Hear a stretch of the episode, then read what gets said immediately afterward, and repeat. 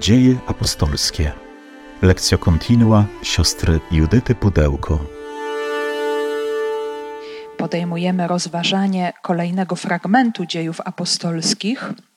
Cały czas jesteśmy w rozdziale 15 y, i będziemy kontynuować jeszcze dziś i następnym razem y, naszą lekturę y, spotkania Kościoła pierwotnego w Jerozolimie, co tak popularnie jest nazwane Soborem Jerozolimskim, chociaż jeszcze nie jest takim typowym soborem już we współczesnym rozumieniu, ale jest na pewno ważnym spotkaniem, które właśnie poruszało bardzo istotny problem, kwestię tego, czy poganie i w jaki sposób mają właśnie włączyć się do wspólnoty Kościoła.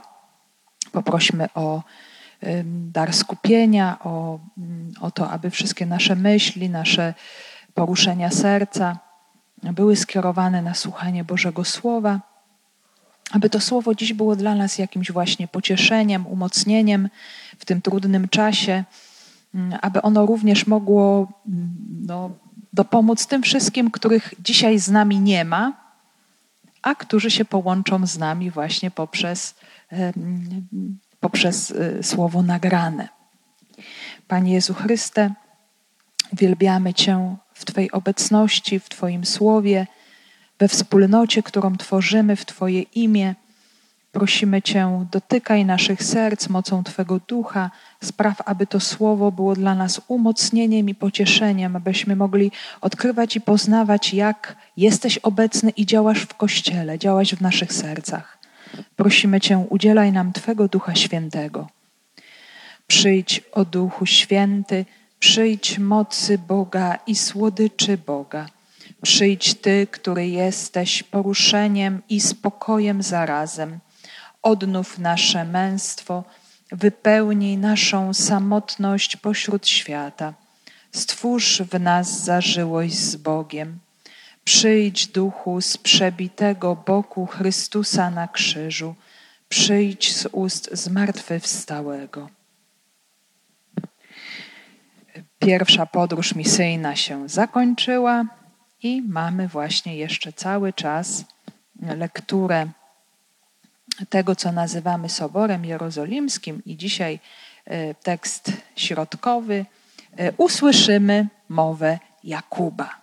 Ostatnio słyszeliśmy mowę Piotra, słyszeliśmy głos y, tych, którzy przystąpili do kościoła ze stronnictwa faryzeuszów, słyszeliśmy głos Pawła i Barnaby, a dziś będzie kolejny głos apostoła. Też zaraz go sobie zidentyfikujemy, który będzie też bardzo taki znaczący no, i ważny w całej całej kwestii. Też sobie przypominamy, że to jest właśnie bardzo, bardzo intensywny nowy czas e, we wspólnocie Kościoła pierwotnego, bo tych pierwszych 12 rozdziałów to właśnie formowanie najpierw Kościoła judeo-chrześcijańskiego, misja wobec Żydów mówiących po aramejsku, hebrajsku, mówiących po grecku, czyli Żydów helenistycznych. Już w tym czasie zaczyna się misja wobec prozelitów i bojących się Boga, czyli Etiop i Korneliusz. A od pierwszej podróży misyjnej, oczywiście to wszystko, co do tej pory było, jest, ale jest jeszcze coś dodatkowego, a mianowicie poganie, którzy nie mieli kontaktu z synagogą, ze światem żydowskim, którzy byli zanurzeni w politeizmie, w bałwochwalstwie, tak jak to potem w listach Paweł ujmuje, e, oni otwierają się na wiarę. I to jest zupełnie e, nowa grupa ludzi, i trzeba się zastanowić, co uczynić. Mm, także najpierw jest e, działanie ducha w charyzmatach, misja, e, jakaś nowość, a potem Kościół nad tym reflektuje, co z tym wszystkim zrobić. I to jest taka rzeczywistość, która ciągle, ciągle gdzieś e, nam jako Kościołowi towarzyszy. Więc mamy też tutaj takie mniejsze fragmenty. Usłyszeliśmy już o konflikcie, który właśnie się pojawił został przedstawiony problem w Jerozolimie, właśnie w tym miejscu, które było y, określane jako Kościół Matka, Kościół Macierzysty, y, gdzie byli apostołowie z grona dwunastu, gdzie byli starsi, gdzie były osoby, które znały Jezusa jeszcze z czasów jego ziemskiego życia, głoszenia, także ci świadkowie jego słowa. I bardzo tutaj znacząca e, właśnie mowa Piotra, a dziś będzie e, mowa Jakuba. Więc e, no właśnie, problem, który się pojawił, polega na czym? Na tym, czy poganie, którzy nie mieli do tej pory kontaktu ze światem żydowskim, nie weszli ten nurt pewnych zwyczajów żydowskich, jako ci prozelici czy bojący się Boga, czy muszą wejść najpierw w struktury judaizmu, żeby stać się chrześcijanami, czy muszą właśnie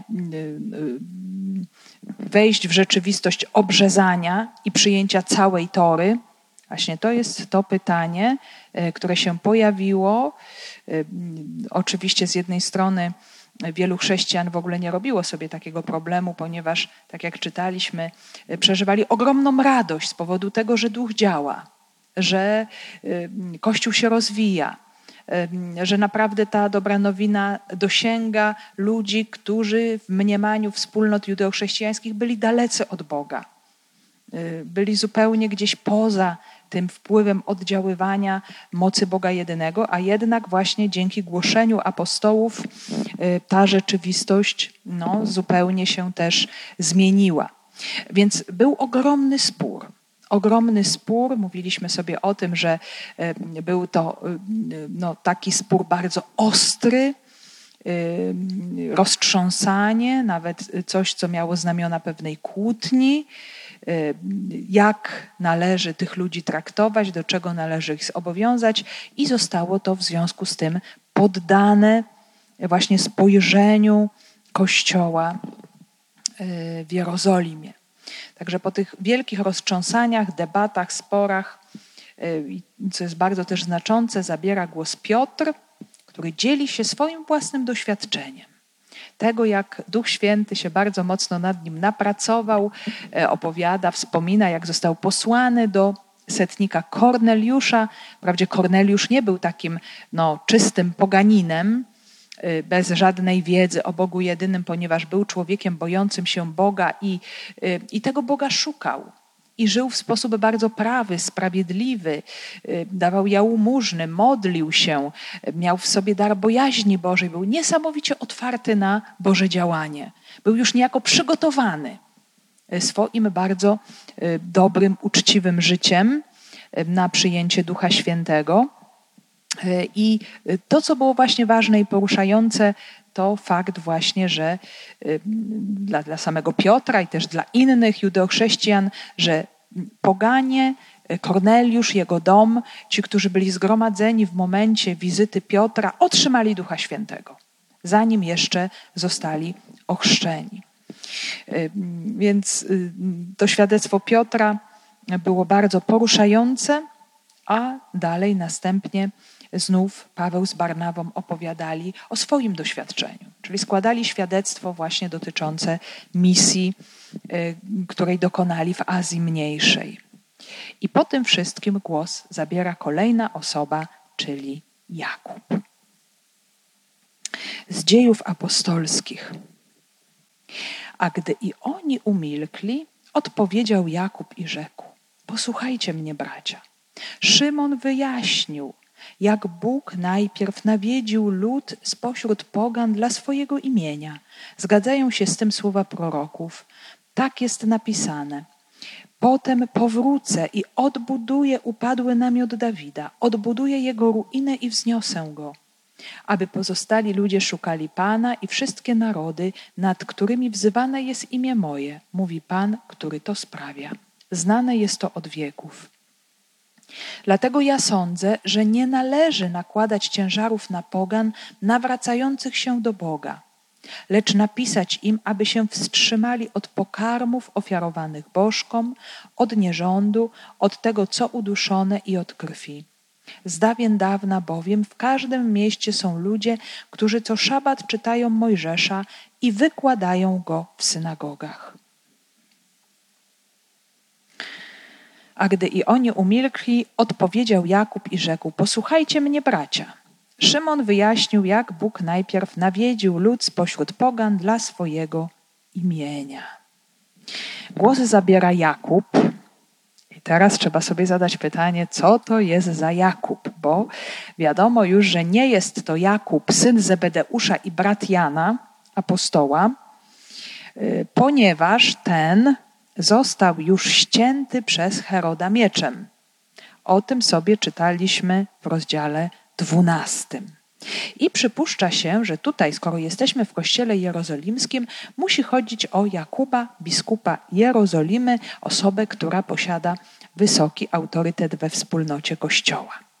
Ale jest tutaj taki problem, bo mamy kilku Jakubów, oprócz e, syna Zebedeusza, kilka takich, możemy powiedzieć, denominacji, nazw, przydomków przy imieniu Jakub, ponieważ w Nowym Testamencie pojawia nam się inny Jakub, który jest określany jako brat pański lub Jakub mniejszy. Jest on wymieniony 15 razy w Nowym Testamencie i według Eusebiusza z Cezarei, historyka kościelnego, Jakub był synem Kleofasa i Marii, a zarazem krewnym Jezusa zaliczanym do tak zwanych braci pańskich. Jego bratem byli Józef, Juda i Szymon, a Maria, żona Kleofasa, była właśnie jedną stojącą z innymi kobietami pod krzyżem i tą, która również udała się do grobu Jezusa w pierwszym dniu tygodnia. I, I, jakie to było pokrewieństwo, bo tutaj właśnie różni, różne e, przychodzą nam myśli do głowy. Też cytowany przez Eusebiusza czy przez innych historyk z II wieku Hegezyp uważał, że Kleofas, ojciec Jakuba, był bratem świętego Józefa. A zatem Maria Kleofasowa, ta stojąca pod krzyżem, byłaby w takiej sytuacji szwagierką Maryi a Jezus i Jakub byliby po prostu kuzynami. My mamy jeszcze w Nowym Testamencie kolejnego Jakuba, który przynależy do grona dwunastu, tak zwanego właśnie Jakuba mniejszego bądź syna Alfeusza. I są tacy, którzy tę osobę utożsamiają. Że to jest jedna i ta sama osoba, że chodzi właśnie tutaj o Jakuba mniejszego, a Alfeusz i Kleofas mieliby być tę jedną i tą samą osobą ale y, nie jest to pewne i raczej większość uczonych rozróżnia tutaj, czyni rozróżnienie, że kim innym jest Jakub, syn Alfeusza z grona dwunastu, a kim innym jest Jakub, syn Kleofasa i Marii, tak zwany brat pański. I ten brat pański, y, no, prawdopodobnie nie był y, sympatykiem Jezusa i jego misji podczas jego ziemskiego życia. Natomiast miałby stać się chrześcijaninem właśnie i, i kimś znaczącym dopiero po zmartwychwstaniu Jezusa. Zresztą też czytamy w Ewangeliach, że kiedy Jezus rozpoczyna swoje głoszenie, to nagle się pojawiają jego bracia, jego krewni i co? I chcą go powstrzymać. Bo Jezus zachowuje się inaczej niż wszyscy, bo Jezus y, właśnie gromadzi jakieś tłumy, tutaj zaczynają go w jakiś sposób atakować faryzeusze. No, robi się jakaś nieprzyjemna sytuacja, więc lepiej y, y, wypadałoby go zachęcić, żeby wrócił do domu. Też według Ewangelii Jana słyszymy o wątpliwościach braci, którzy nie wierzyli w Jezusa, y, którzy owszem zastanawiali się, czy on przyjdzie na święto, czy będzie obecny. Chcieli nawet, żeby on się objawił w jakiś sposób bardzo taki konkretny światu, ale nie wierzyli w niego podczas jego ziemskiej działalności. Natomiast kiedy czytamy już początek dziejów apostolskich, y, czytamy o wspólnocie zgromadzonej w wieczerniku, y, to oprócz Maryi, Matki Jezusa, kobiet, apostołów są również jego bracia czyli coś się zmienia.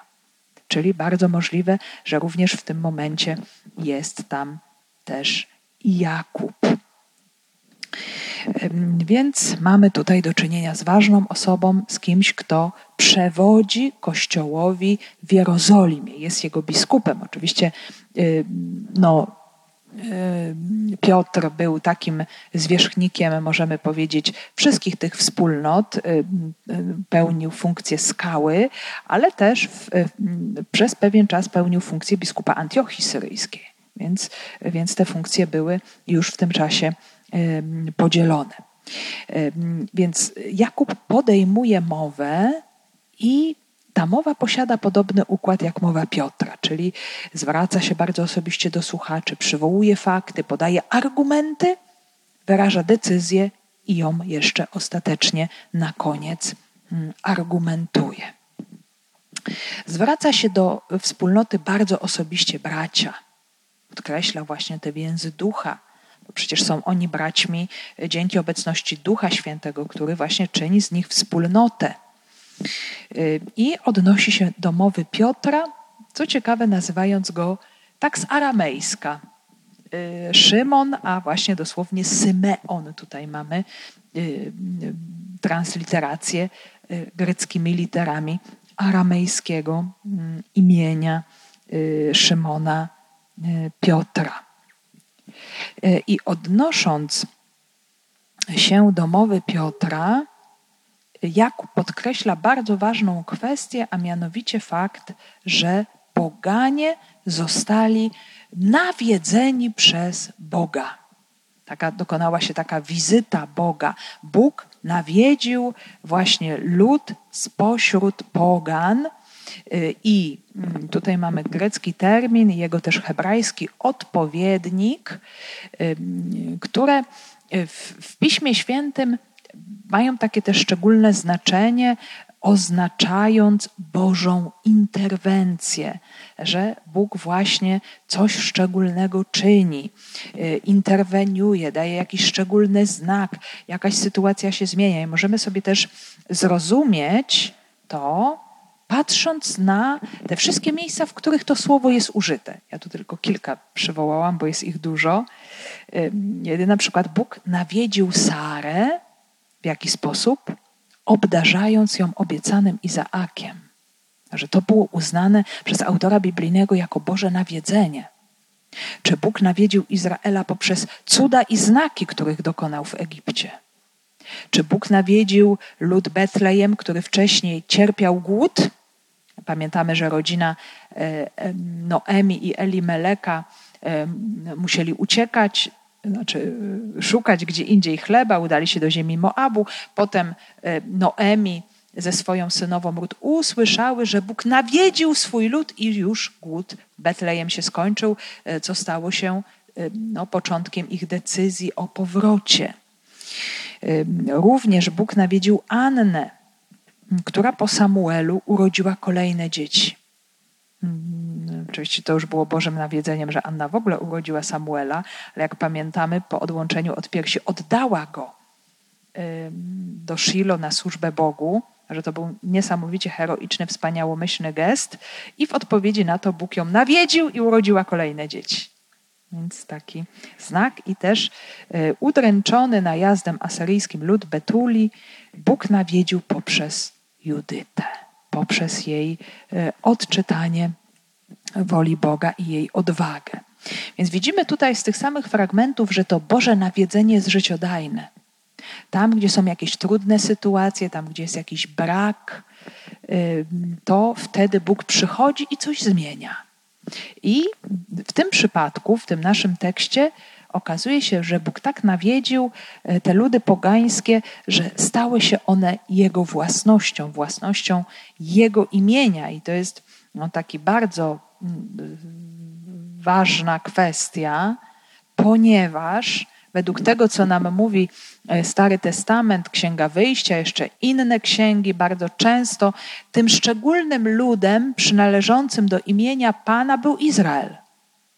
Ale nie ze względu na, na to, że to jest ten lud, nie ze względu na jakieś kwestie etniczne, ale jeśli pilnie słuchać będziecie głosu mego i strzec mojego przymierza, będziecie moją szczególną własnością pośród wszystkich narodów, gdyż do mnie należy cała ziemia. To jest ten warunek. Trwanie w przymierzu dzięki słuchaniu słowa. I to już, zobaczmy, to jest jakaś taka szczególna zapowiedź, która potem w nowy sposób zrealizuje się wśród pogan. Że ten, kto słucha Bożego Słowa, staje się ludem Boga, staje się własnością Jego imienia. Więc y, to jest taki historyczny moment, kiedy ten lud się poszerza. Kiedy y, to właśnie nie kwestie etniczne, mm, Potem oczywiście to bardzo mocno przeważało, jakoś Izraelowi y, umykała ta prawda fundamentalna, że to nie przynależność więzów krwi, pochodzenia czyni ich ludem Boga, ale słuchanie Boga, ale wiara. Mm, to, to właśnie pokazał bardzo wyraźnie nam chociażby Abraham. Więc lud Boga, lud wybrany to jest kategoria teologiczna. I my również jesteśmy tym ludem Boga, właśnie dlatego, że mamy udział w tym samym duchu, mamy udział w słuchaniu słowa, w tej samej wierze. No, no i właśnie to jest taka bardzo odważna teza, że tak się stało, ale potrzeba to teraz w takim razie uargumentować. I Jakub dochodzi do argumentacji z pisma. Tak jak to czynił i, i Piotr, i Paweł. E, już słyszeliśmy te różne argumentacje w mowach apostolskich. Teraz Jakub podaje swój bardzo ciekawy argument. Zgadzają się z tym słowa proroków, jak jest napisane. Potem powrócę i odbuduję upadły namiot Dawida. Odbuduję jego ruiny i wzniosę go, aby pozostali ludzie szukali Pana i wszystkie narody, nad którymi wzywane jest imię moje, mówi Pan, który to sprawia. Znane jest to od wieków. E, I tutaj mamy odniesienie do proroków, ale to jest słowo proroka, tego, który przynależy też do grupy dwunastu proroków. No nie jest to też jakąś zagadką, że ten zwój dwunastu proroków też traktowano jako jedną całość. Być może tutaj właśnie też Jakub mówi o tym zwoju, o pewnej całości. Mamy oczywiście też i, i takie świadectwa pozostałości e, na jednym zwoju po prostu dwunastu, dwunastu proroków mniejszych, e, ale chodzi tutaj o bardzo konkretny tekst proroka Amosa z dziewiątego rozdziału, który troszeczkę inaczej brzmi, jak go przetłumaczymy z języka hebrajskiego. Tutaj mamy oczywiście e, tekst masorecki, zwokalizowany, który można byłoby też zwokalizować inaczej, odczytać nieco inaczej, o czym nam świadczy chociażby tekst Septuaginty, grecka wersja tego tekstu, która widać, że ona tutaj posłużyła autorowi dziejów apostolskich, y, no przynajmniej jako taki bardzo mocny argument i, i przykład. Więc tekst hebrajski mówi nam tak: W tym dniu podniosę szałas Dawidowy, który upada, zamuruję jego szczeliny, ruiny jego podźwignę, jak za dawnych dni go zbuduję, by posiedli resztę Edomu i wszystkie narody nad którymi wzywano mojego imienia, wyrocznia Pana, który to uczyni. Tutaj jest zapowiedź odbudowy Królestwa Dawida, e, które się umocni samo i jeszcze na dodatek zdobędzie e, posiadłości Edomitów, bo państwo południowe, królestwo Judy zwłaszcza miało ciągłe problemy z Edomitami na południu i też by posiedli wszystkie narody. Jest tutaj taka zapowiedź, możemy powiedzieć, no właśnie, jakiegoś zwycięstwa militarnego. Tego się spodziewali y, Judejczycy, Izraelici, Żydzi ostatecznie, że na tym będzie polegać odbudowa Królestwa Dawidowego. Będziemy mocni, będziemy panować, będziemy dominować inne narody. Wersja Septuaginty już, już idzie w nieco innym kierunku. Zobaczmy, jak bardzo pięknie Słowo Boże nam ewoluuje odkrywa się jego zupełnie inny, głębszy duchowy wymiar. W owym dniu postawię na nowo namiot Dawida, który się przewrócił.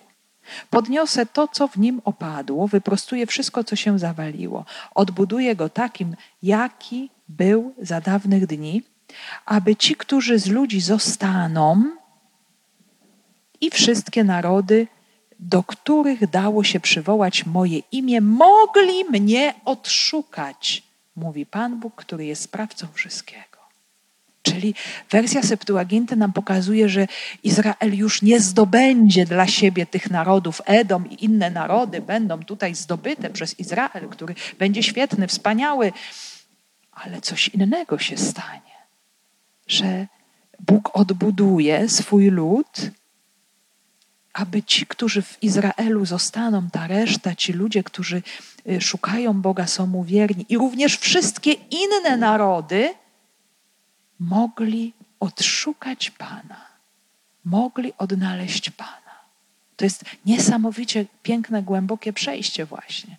Od tego wymiaru zdobyczy terytorialnej dominacji do doprowadzenia innych do wiary, aby mogli spotkać, odszukać, znaleźć Pana. I, i, właśnie to jest taki przepracowany tekst proroka Amosa. I dlaczego też można zadać pytanie, Jakub go przywołuje? Ponieważ mamy tutaj, i to jest jedyny tekst w Starym Testamencie, jedyne miejsce, gdzie mówi się właśnie o obcych narodach, narody to byli właśnie poganie, o wzywaniu imienia Pana nad narodami, ta relacja z Panem pośród obcych narodów bez odniesienia do obrzezania.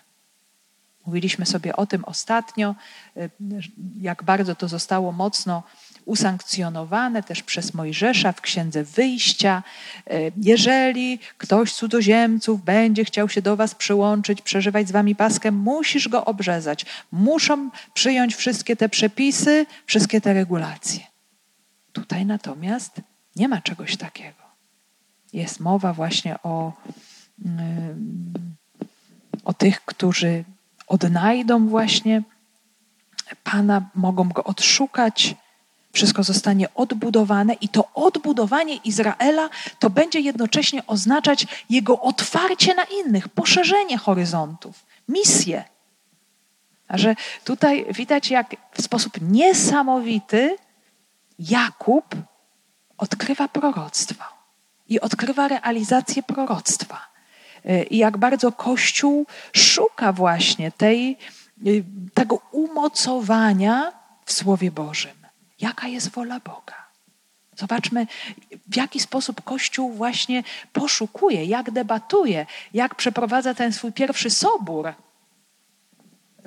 czy synod, jak to możemy nazwać, zgłębia słowo co Bóg już nam powiedział. Przecież oni nie mają żadnych innych wytycznych.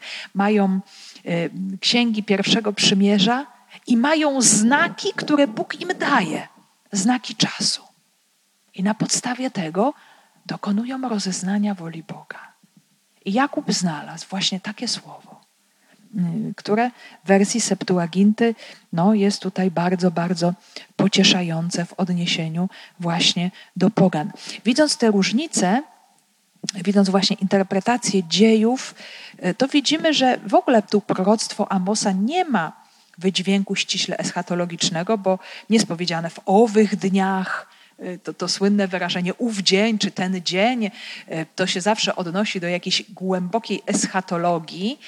Tutaj jest natomiast powiedziane potem. Jakiś właśnie czas, jakieś następstwo czasowe, nie ma powrotu też do dawnych dni, do tego, co było wcześniej, czyli jest to jakieś nowum, które Bóg przygotowuje. Sprawcą tego jest Pan. To imię Kyrios, e, imię Boga w Starym Testamencie, e, już w dziejach apostolskich bardzo wyraźnie odnosi się do Jezusa Chrystusa zmartwychwstałego. I tutaj na samym końcu jest podkreślony właśnie ten odwieczny zamysł Boga. Znane jest to od wieków. To już jest e, taki e, no, dodatek, e, dodatek autora dziejów apostolskich, że jest to właśnie odwieczny zamysł Boga, aby poganie mogli poznać Boga, aby mogli przynależeć do Jego imienia.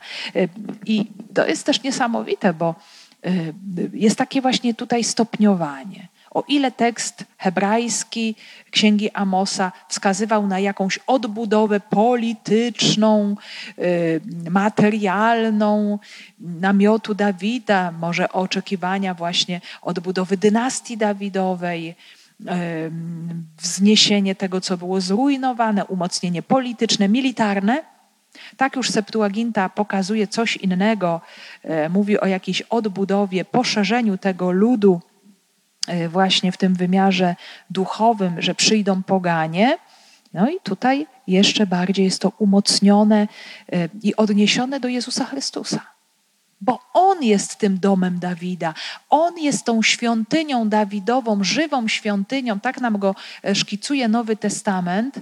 Sam Jezus tak o, siebie, o sobie powiedział: Zbóżcie tę świątynię, a ja w trzy dni wniosę ją na nowo. I to jest Jego zmartwychwstanie.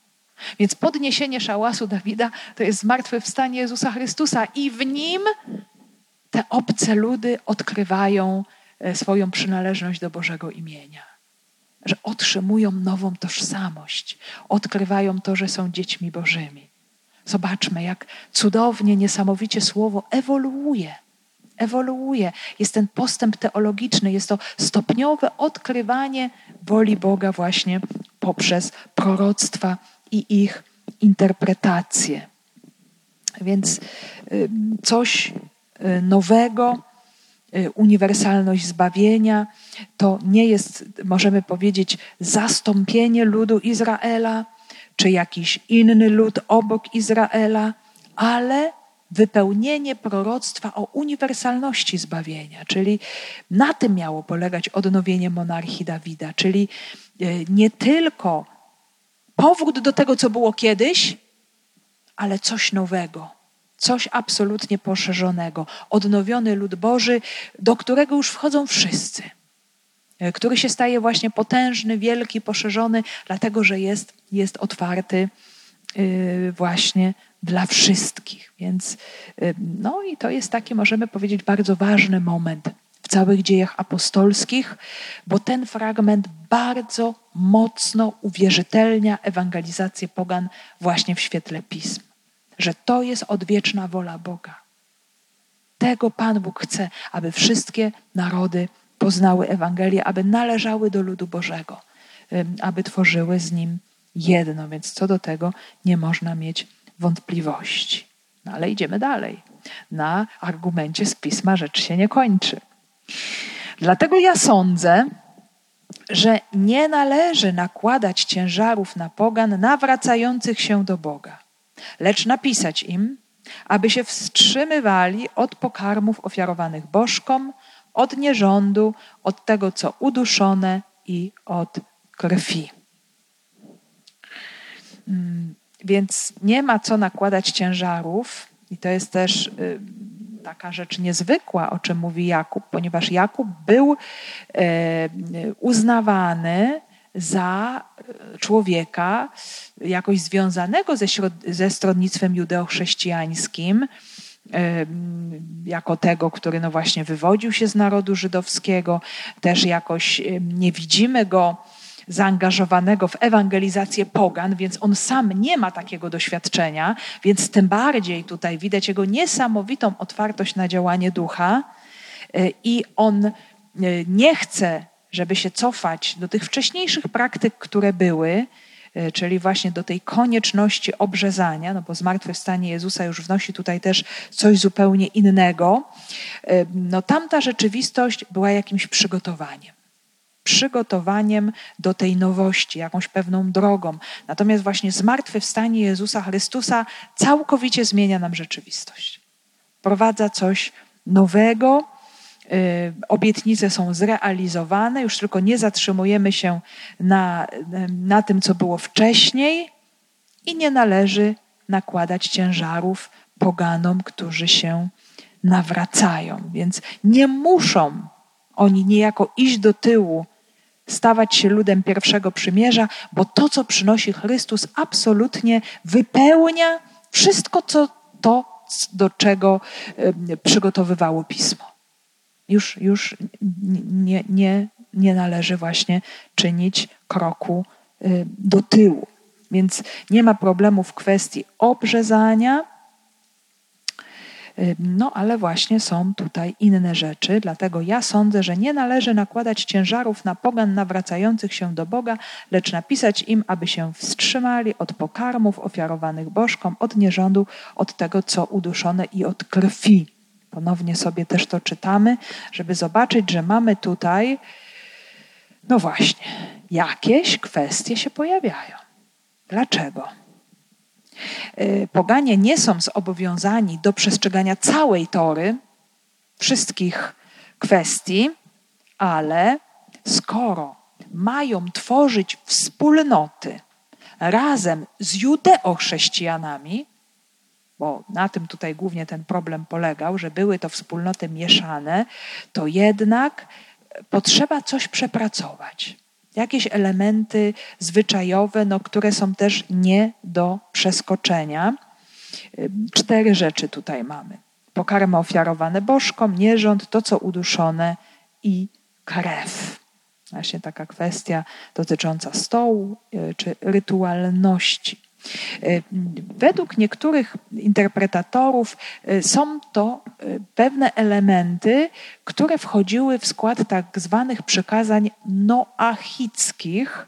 One potem były bardzo dobrze rozwinięte w judaizmie, czyli takie przepisy, przykazania, które mieli wypełniać poganie, wszystkie narody, no bo jak pamiętamy, cały świat według, według Tory, według Księgi Rodzaju, odnowiony świat popotopowy pochodził od Noego i jego synów, czyli byli Semici, byli e, Jafetyci i byli Hamici. Więc, więc e, te ludy, które nie przynależały do Izraela, Y, miały zachowywać siedem tak zwanych przykazań noachickich. Tam było właśnie y, y, odrzucenie bałwochwalstwa, zabójstwa, kradzieży, rozwiązłości, bluźnierstwa, okrucieństwa wobec zwierząt i sprawiedliwość sądownictwa. Więc to było siedem przykazań noachickich. Natomiast tutaj mamy cztery elementy, właśnie odrzucenie bałwochwalstwa, ale w takim wymiarze, żeby nie spożywać Y, mięsa, które pochodziło z ofiar bożków, no to była rzecz ta, dosyć taka skomplikowana, ponieważ to mogło wyglądać tak, że y, no właśnie w takich y, miejscach, gdzie były świątynie pogańskie, zwierzęta były ofiarowane bożkom, a potem to mięso było sprzedawane na targu. Więc po prostu trzeba było no, być jakimś uważnym, roztropnym, gdzie się dane mięso nabywa przynajmniej no, w tych początkowych latach rozwoju Kościoła, e, gdzie jeszcze tych wspólnot judeochrześcijańskich było sporo, trzeba było na to zwrócić uwagę. Potem oczywiście druga kwestia, nierząd.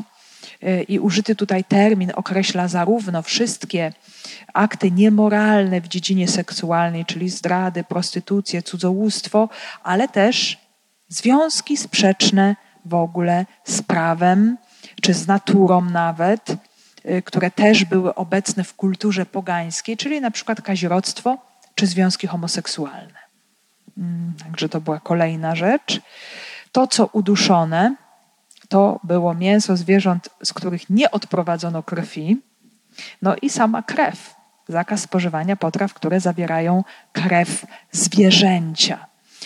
No oczywiście wiadomo, to, to są wszystko takie przepisy, które miały usprawnić no, możliwość wspólnego bytowania i wspólnego przede wszystkim spożywania posiłków, zwłaszcza te dwa ostatnie, żeby nie było jakichś napięć, jakichś starć.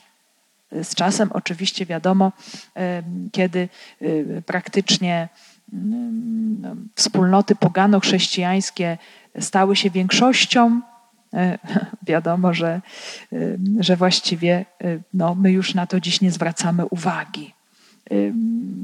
Mamy mięso z krwią, nie sprawdzamy tego, w jaki sposób to mięso było przygotowywane, oby było zdrowe.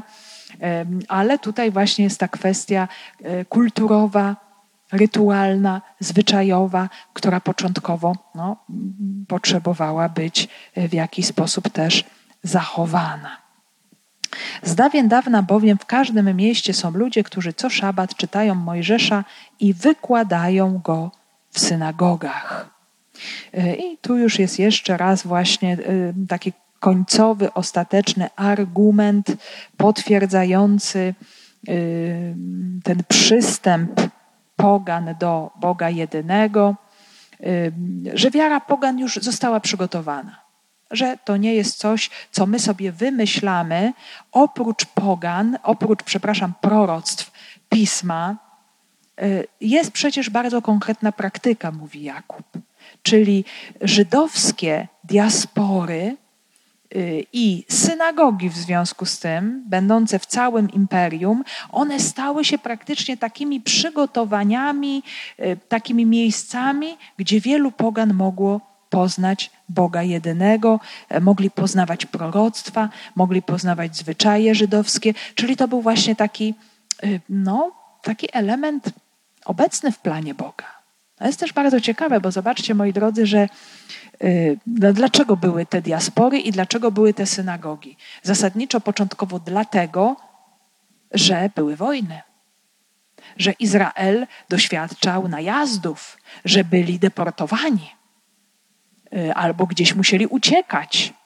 No i się osiedlali i zakładali wspólnoty. Czyli były to sytuacje, można powiedzieć, negatywne, trudne, złe, gdzie trzeba było jakoś sobie poradzić, przetrwać. No i, i, i, i tak też się stało. Ale te wszystkie trudne sytuacje to, to rozprzestrzenianie się życia żydowskiego w różne miejsca starożytnego Bliskiego Wschodu przyczyniło się do tego, że stały się to miejsce przestrzenia e, spotykania ze Słowem Boga. I to jest właśnie niesamowite. Zobaczmy, Bóg wykorzystuje sytuację, która jest trudna, obiektywnie, yy, jakoś zła, po ludzku, niewygodna, dręcząca, to możemy sobie tutaj popatrzeć y, też na nasze życie w związku z tym, tak? Coś Bóg może tak wykorzystać, coś dla nas trudnego, niewygodnego, może dopiero po długim czasie, bo zobaczmy, kiedy wygnanie babilońskie, y, czy, czy czasy helenistyczne już później, a kiedy właśnie początek Kościoła, trochę tego czasu upłynęło. I to wszystko stopniowo, powoli, powoli przygotowywało y, ten grunt tę możliwość otwarcia się obcych ludów na wiarę.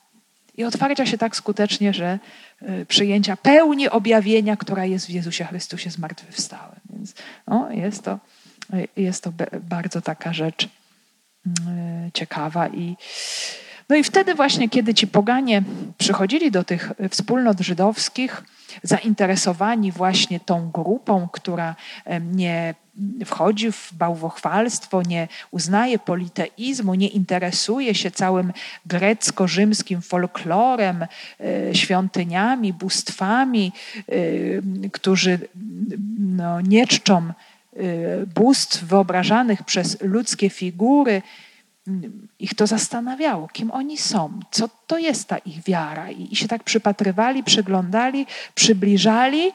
I kiedy się tak przybliżali do wspólnot żydowskich, stawali się tymi pobożnymi, przychodzili do synagog, czy potem nawet stawali się prozelitami, to mieli obowiązek właśnie przestrzegania tych czterech zasad.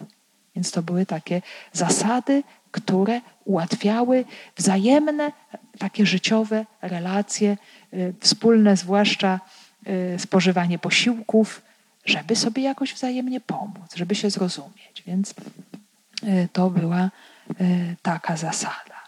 I tak już podsumowując, zobaczmy, o ile wcześniejsze słowa Piotra mają charakter doktrynalny, o tyle orzeczenie Jakuba ma charakter dyscyplinarny, taki bardziej praktyczny. Chociaż no, tutaj bardzo poruszające jest to odniesienie do proroctwa, do słów proroka Amosa, do odkrycia przewidzenia tego Bożego planu, przygotowanego właśnie od wieków.